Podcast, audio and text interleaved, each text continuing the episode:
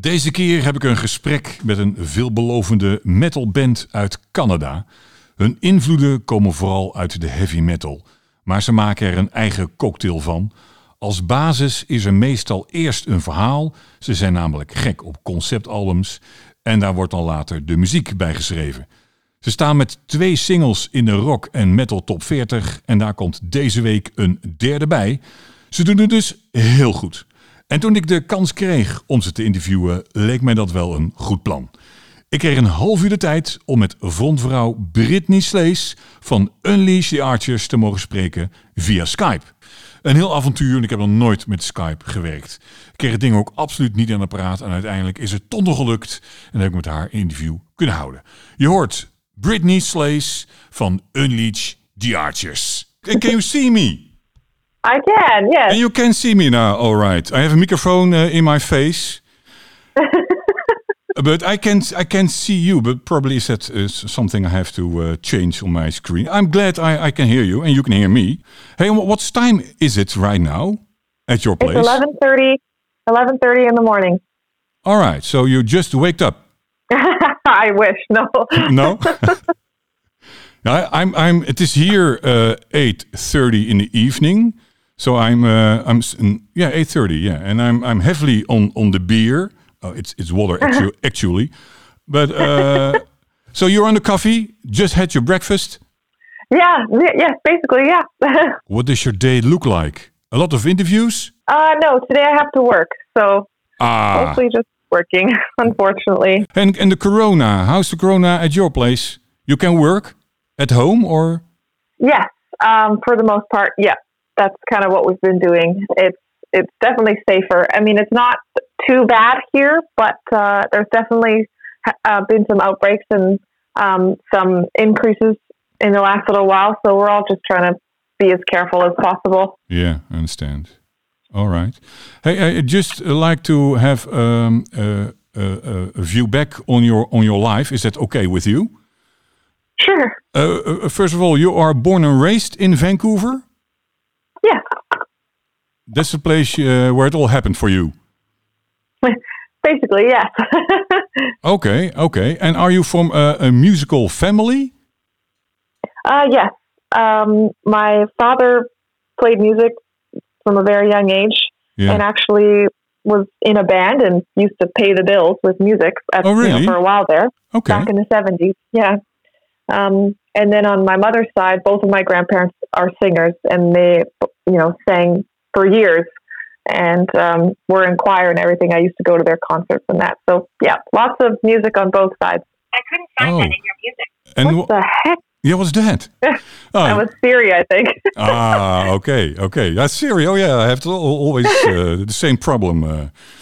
And uh, wha- what was was what was it called? The band of of your father? um, well, when they were in high school, it was called the Eighth Street Bridge Group, I think, if I remember correctly. Okay. And then when they were when they were playing bars and that kind of thing, um, when they were older, they were called the Wet Pants Band. the wet pants. What? What did would you say? The Wet Pants Band. okay, the wet pants band. And what, Yeah. what, what, and what kind of music did they make? Uh, mostly they did covers, Covers. uh, so they'd play like Allman Brothers and that kind of thing. yeah. Um, you know, classic '70s stuff, Okay. like cut, kind of in the Bachman Turner era of things. It's like classic rock, I guess you could call it. yeah, Yeah. classic rock. Okay. And uh, do your parents still uh, live? Yes. And do you like do they like your music? I'm curious. Yes. Yes. But I mean, I'm not too sure if it's if it's just because you know they love me and they support me, Yeah, or if they actually sure. like it. No, not not too sure. But they don't don't play it in the car probably. uh, my mom does, yeah. Oh yes, she does. Yeah. Oh, that's cool. Hey, and when did you start singing? At what age? Uh, I am not sure exactly. I know it was But roundabout. really very young, probably like six or seven. Um, there's photos of me pretending to be a rock star on the fireplace. I'd, I would grab my dad's old SM87 Oh yeah. and uh, play to my invisible fans.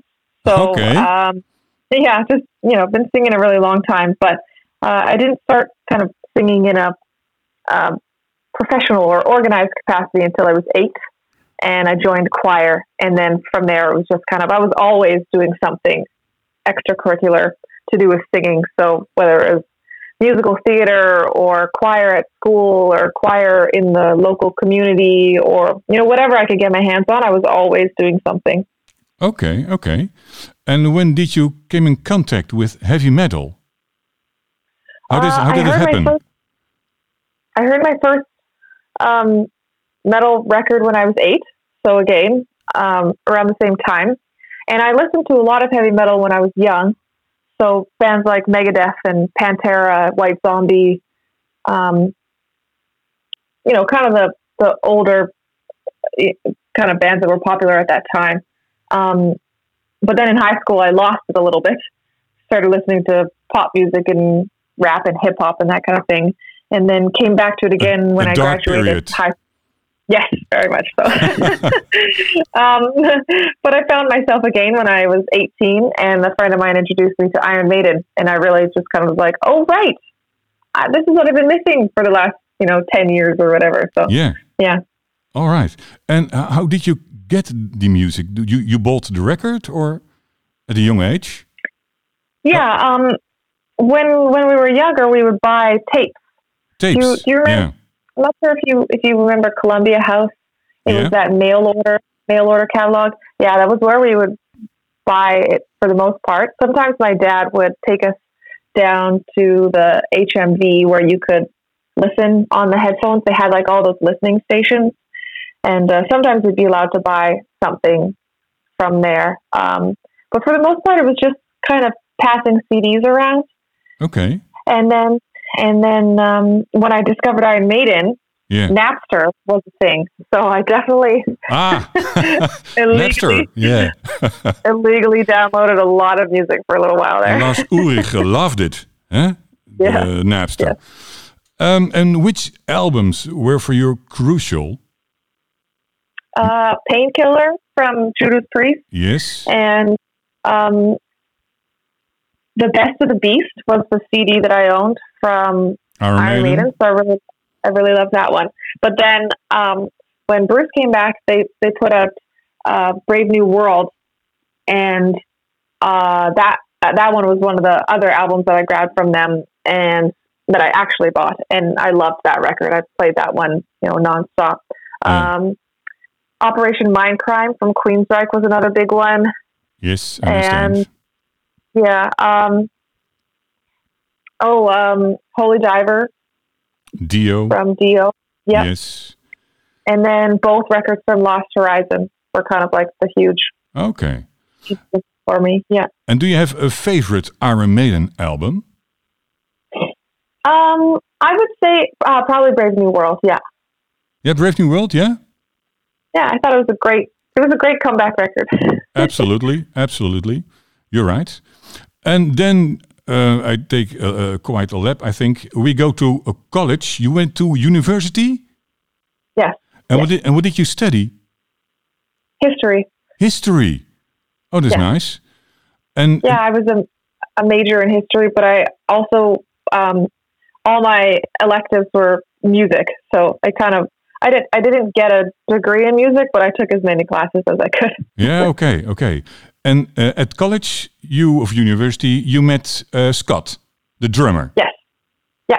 Okay, and he was playing in a band at that time. He was. Yeah. And it, wa- and I, I read somewhere it was a death metal band. Yes. uh, I'm not sure if you know what uh, deathcore is or metalcore. yes, yes, I know. Not my Yeah, totally favorite, but that it was. It was deathcore. Yes. Yeah. Oh, really? And and and you you uh, I, I I think you go to the concert to look at him Yeah. at him. Yes, I enjoyed going to the shows very much. Okay. And then you started to um, doing. Then you started your, your your own band, and that was not deathcore, right? No. you, you you want to do something different than deathcore, probably. well, it, it had had some influences from deathcore, some things here and there. Um, we had a lot of screaming back in the day.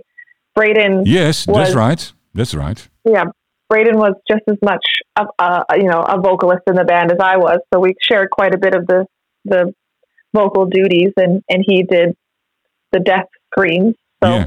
um, yeah, it was pretty heavy back in the day when we first started. Yeah. Yeah, yeah. I, I, I listened to your uh, debut album, and isn't that a combination of power metal and melodic death metal? Do you think so? Yeah. Something kind of that. Yes. Yeah. And uh, what kind of musical direction did you have in mind in the beginning? Did, did you want? I want to make a, a power metal, melodic death metal record, or it just happened? Yeah, I think it was. Uh, I was very much influenced by traditional metal or and power metal at the time, Yeah. and but I also really loved death metal and still do and always have. So I think it was kind of we just wanted to have a really heavy, heavy power metal and flute infused sound, kind of. Um, so not all power metal and not all death metal, just a little kind of something in between Yeah, is how it started. But Yes. uh, that definitely changed over time. Yeah. yeah, yeah. All right, well, that, that that's that's normal. I think so. Who thought about the band name, and is it referring to something? Mm. I wish. No, it's not a very exciting story at all. Oh, um, yeah, basically, we had been together for about three months, the, the whole band, and we were starting to get offers for live shows, but we didn't have a band name, so we couldn't accept any of them. okay. Um, so we, we, we kind of just said one day, okay, you know what? We need to do this. Like, we're ready. We've got, we had five or six songs written. We were ready to start playing live and um, could just could not agree on anything. So we sat down one day uh, after jam and, and we said, no one is leaving until we decide. yeah, And uh, we had a this, this really long Word document that we had printed off. And we went through every suggestion that everyone had made, like since the beginning, and uh, still could not decide. Just could not. None of us could agree on all one one thing. And then finally, someone said, "How about release the archers?" And we were like, "Oh, that's all right, but I think it needs to be more like unleash the archers." yeah, yeah, yeah. and yeah. then not no one hated it, so that's the one that stuck. All right. And do you remember other names that crossed your mind back then? yeah. Um, one of the first one of the songs off of our first album actually was was a runner up, Eat What You Kill. Ah, eat what you kill. Okay. Yeah. Now sounds sounds cool also, but uh, Yeah. But we just we weren't sure if that was going to align w- with our sort of traditional metal sound as well. So it was it was definitely a good death metal band name, but we weren't sure about the you know yeah, clean female vocal might not make sense. So yeah. yeah, yeah. And what can you say? What what are the main influence for the band? Uh, bands. What what crossed your mind? Um, the influences, Yeah. well, definitely Iron Maiden for sure. Yes, Iron Maiden. Um, All right.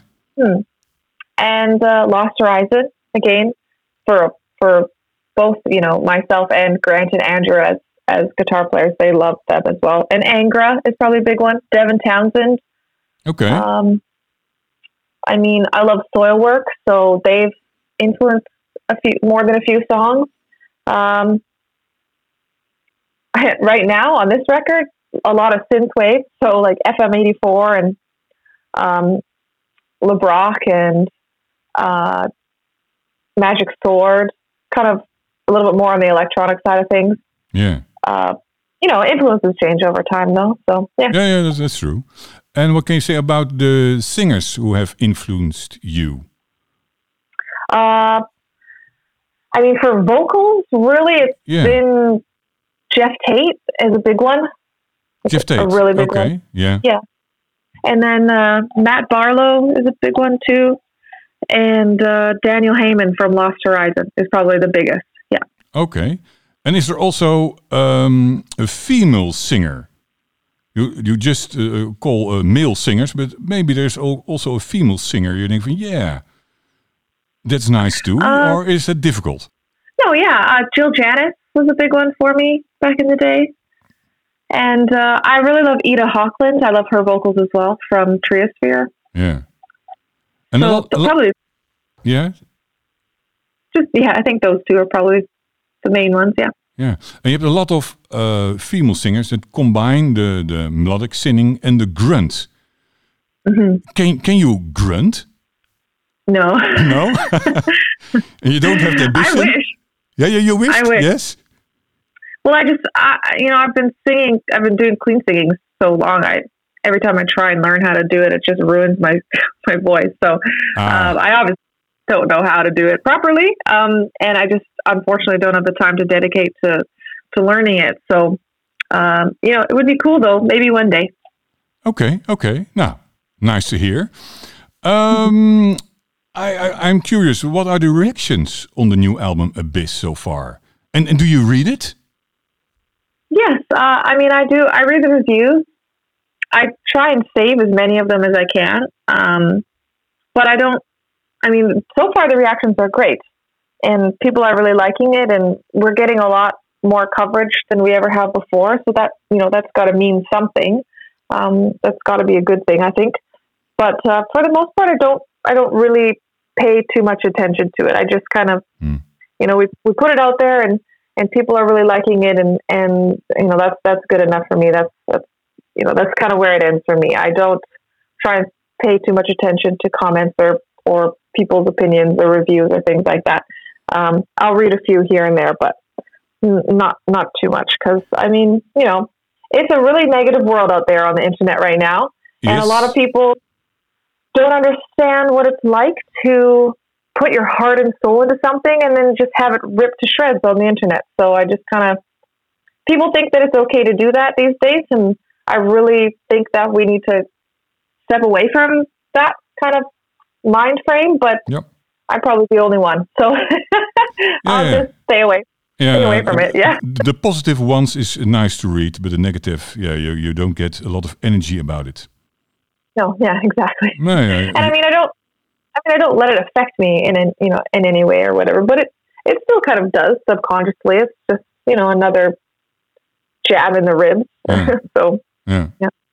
Hey, the the song Abyss has been in the rock and metal top 40. That's the rock show I uh, present for uh, 10 weeks now, uh, continuously in the top 10. And uh, also Soul, Soulbound is also doing well.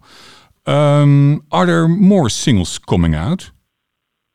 Yeah, we did uh, faster than light, and that came out last Monday. So it's been uh, a week now. Oh, It's oh the- kind of probably I'm gonna see it uh, this week's uh, top 40 then. Yes, all right. yeah, and then we'll probably do another one kind of later just to drum up some some attention again in October, September, October. Okay. And I read that one of your favorite songs on the album is uh, Legacy. It is.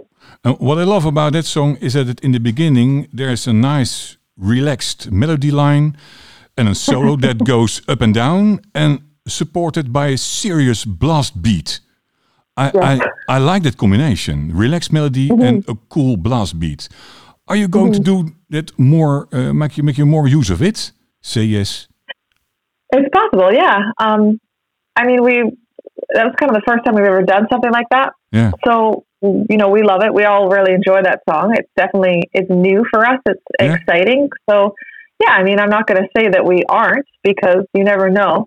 But we're also the, the you know we don't like to write the same song or the same record over and over again. So um, who knows what our influences will be on the next one? But we definitely really enjoyed that track, all of us. So Yeah. you never know. No, okay. I, I think it's a very, very cool song. And can we uh, also expect there uh, some kind of video from that song? Yes, yeah, definitely. We're we're working on it. Hopefully to come out um, around the end of September or early October. Okay, okay, cool. Hey, I read somewhere that uh, when writing the lyrics and how this song should come across to a listener, you also had certain bands in mind for some songs. Yeah. Uh, ca- can you name a, a song on your album and which band you had in mind? Um, well, Legacy is very much a, you know inspired by Devin Townsend, Yeah. and the wind that shapes the land is is very much inspired by um, uh, Iron Maiden, and Carry the Flame is Queensryche. Okay. Um, I'm sure there's more. I just can't think of them right now. Um, oh, uh, Stratovarius is kind of who we had in mind for Fast Than Light. Okay. Uh, not so much Stratovarius actually. It was more actually just Luca Turilli in general. yeah, yeah, yeah, yeah, With that that sort of style that he has. Uh, so yeah, a little bit of Rhapsody, a little bit of Stratovarius, a little bit of Angra, kind of kind of a combination of those three for that song. Um, like I said, kind of an FM eighty four vibe on uh, on Through Stars, but also a bit of Queensryche as well. It was it's kind of our ballad, maybe Scorpions esque ish, I guess you could say too, on that song. Yeah, okay, okay, oh, cool. Yeah, nice to know. Uh, it, it, would have been very close, I thought, uh, if Napalm Records had postponed the album because of all the corona troubles. But apparently mm -hmm. that has not uh, happened. Yeah, well, it, it was originally supposed to come out in July and they pushed it back to August. Yeah. But after that, I kind of said, all right, that's enough. Let's you know, let's get this done. Let's get this going. I don't want to hold on to this record any longer than we have to. Yeah, yeah. So they were really nice, nice about that and uh, pushed it, pushed it on. Yeah. And I read that you are looking a lot on Spotify for uh, new and exciting music. I'm mm -hmm. curious, what's your latest discovery and have you, do you have some tips of Canadian bands you like in Vancouver mm -hmm. or, or Canada? Um, I haven't really found too much that's really grabbed me, except for this.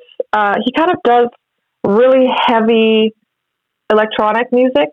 Okay. Uh, his name's Alex Yarmak, and it's like heavy metal goes electronic, or synthwave goes heavy metal. A little bit of both, but it's super heavy, and I really like it. Interesting um, so combination. I've been, mm-hmm, I've been listening to that a lot lately. Uh, also, just heard the new Kataklysm uh, single, which is yeah. really good. So yes. I'll definitely be excited to check that out. Um, Black Crown Initiate just released their newest album. Port oh, I can never remember the name of this album. Portraits of uh, Violet. Shoot, I don't remember. All right, doesn't matter. It, it's a, it's a long one. It's a long one. yeah, yeah, yeah, yeah. and um, you... and then, oh, sorry. No, no, tell, please. Uh, just you know, for Canadian bands, always uh, support my friends in Crimson Shadows and uh, Archspire and The Order Chaos and Ophelia Falling is a really good one from Vancouver. They're new. They're more of like a symphonic metal. Um, yeah, that's kind of that's most of it. So the scene is alive there. Oh yes, very much so. Yeah, absolutely. Lots of great metal coming out of Canada these days. All right, um, your album is right now uh, ready. It's released. Touring is not really possible now because of Corona. Does it mean that you are going to pick your nose now, or what are you going the plans for the coming months with the band? Maybe write new new music. What are you going to do? Oh, well, maybe you never know. um, we are definitely going to be uh, working on, like I said, a new music video for Legacy. Yeah. And I personally am going to be working on doing graphic novels for both Apex and Abyss uh, so that I can, you know, tell the, the whole story from both the records. And, um, you know, we've been talking about maybe doing some Twitch streams where we hang out and play requests or you know whatever just kind of have a few beers and hang out with the fans. Um, yeah i mean for the most part i think we're just going to kind of try and prepare and be ready for hitting the road in 2021 uh, if if all goes as planned we've got quite a few dates booked for then. So hopefully uh, hopefully that all works out and we can actually tour and not sit on our couches and pick our noses. Yes. All right uh, would you like to say something to our listeners? Uh, just thank you for listening to the new album. If you get a chance, I definitely recommend sitting down and listening to it from beginning to end, the whole thing. Uh, we definitely wrote it to be taken in that way.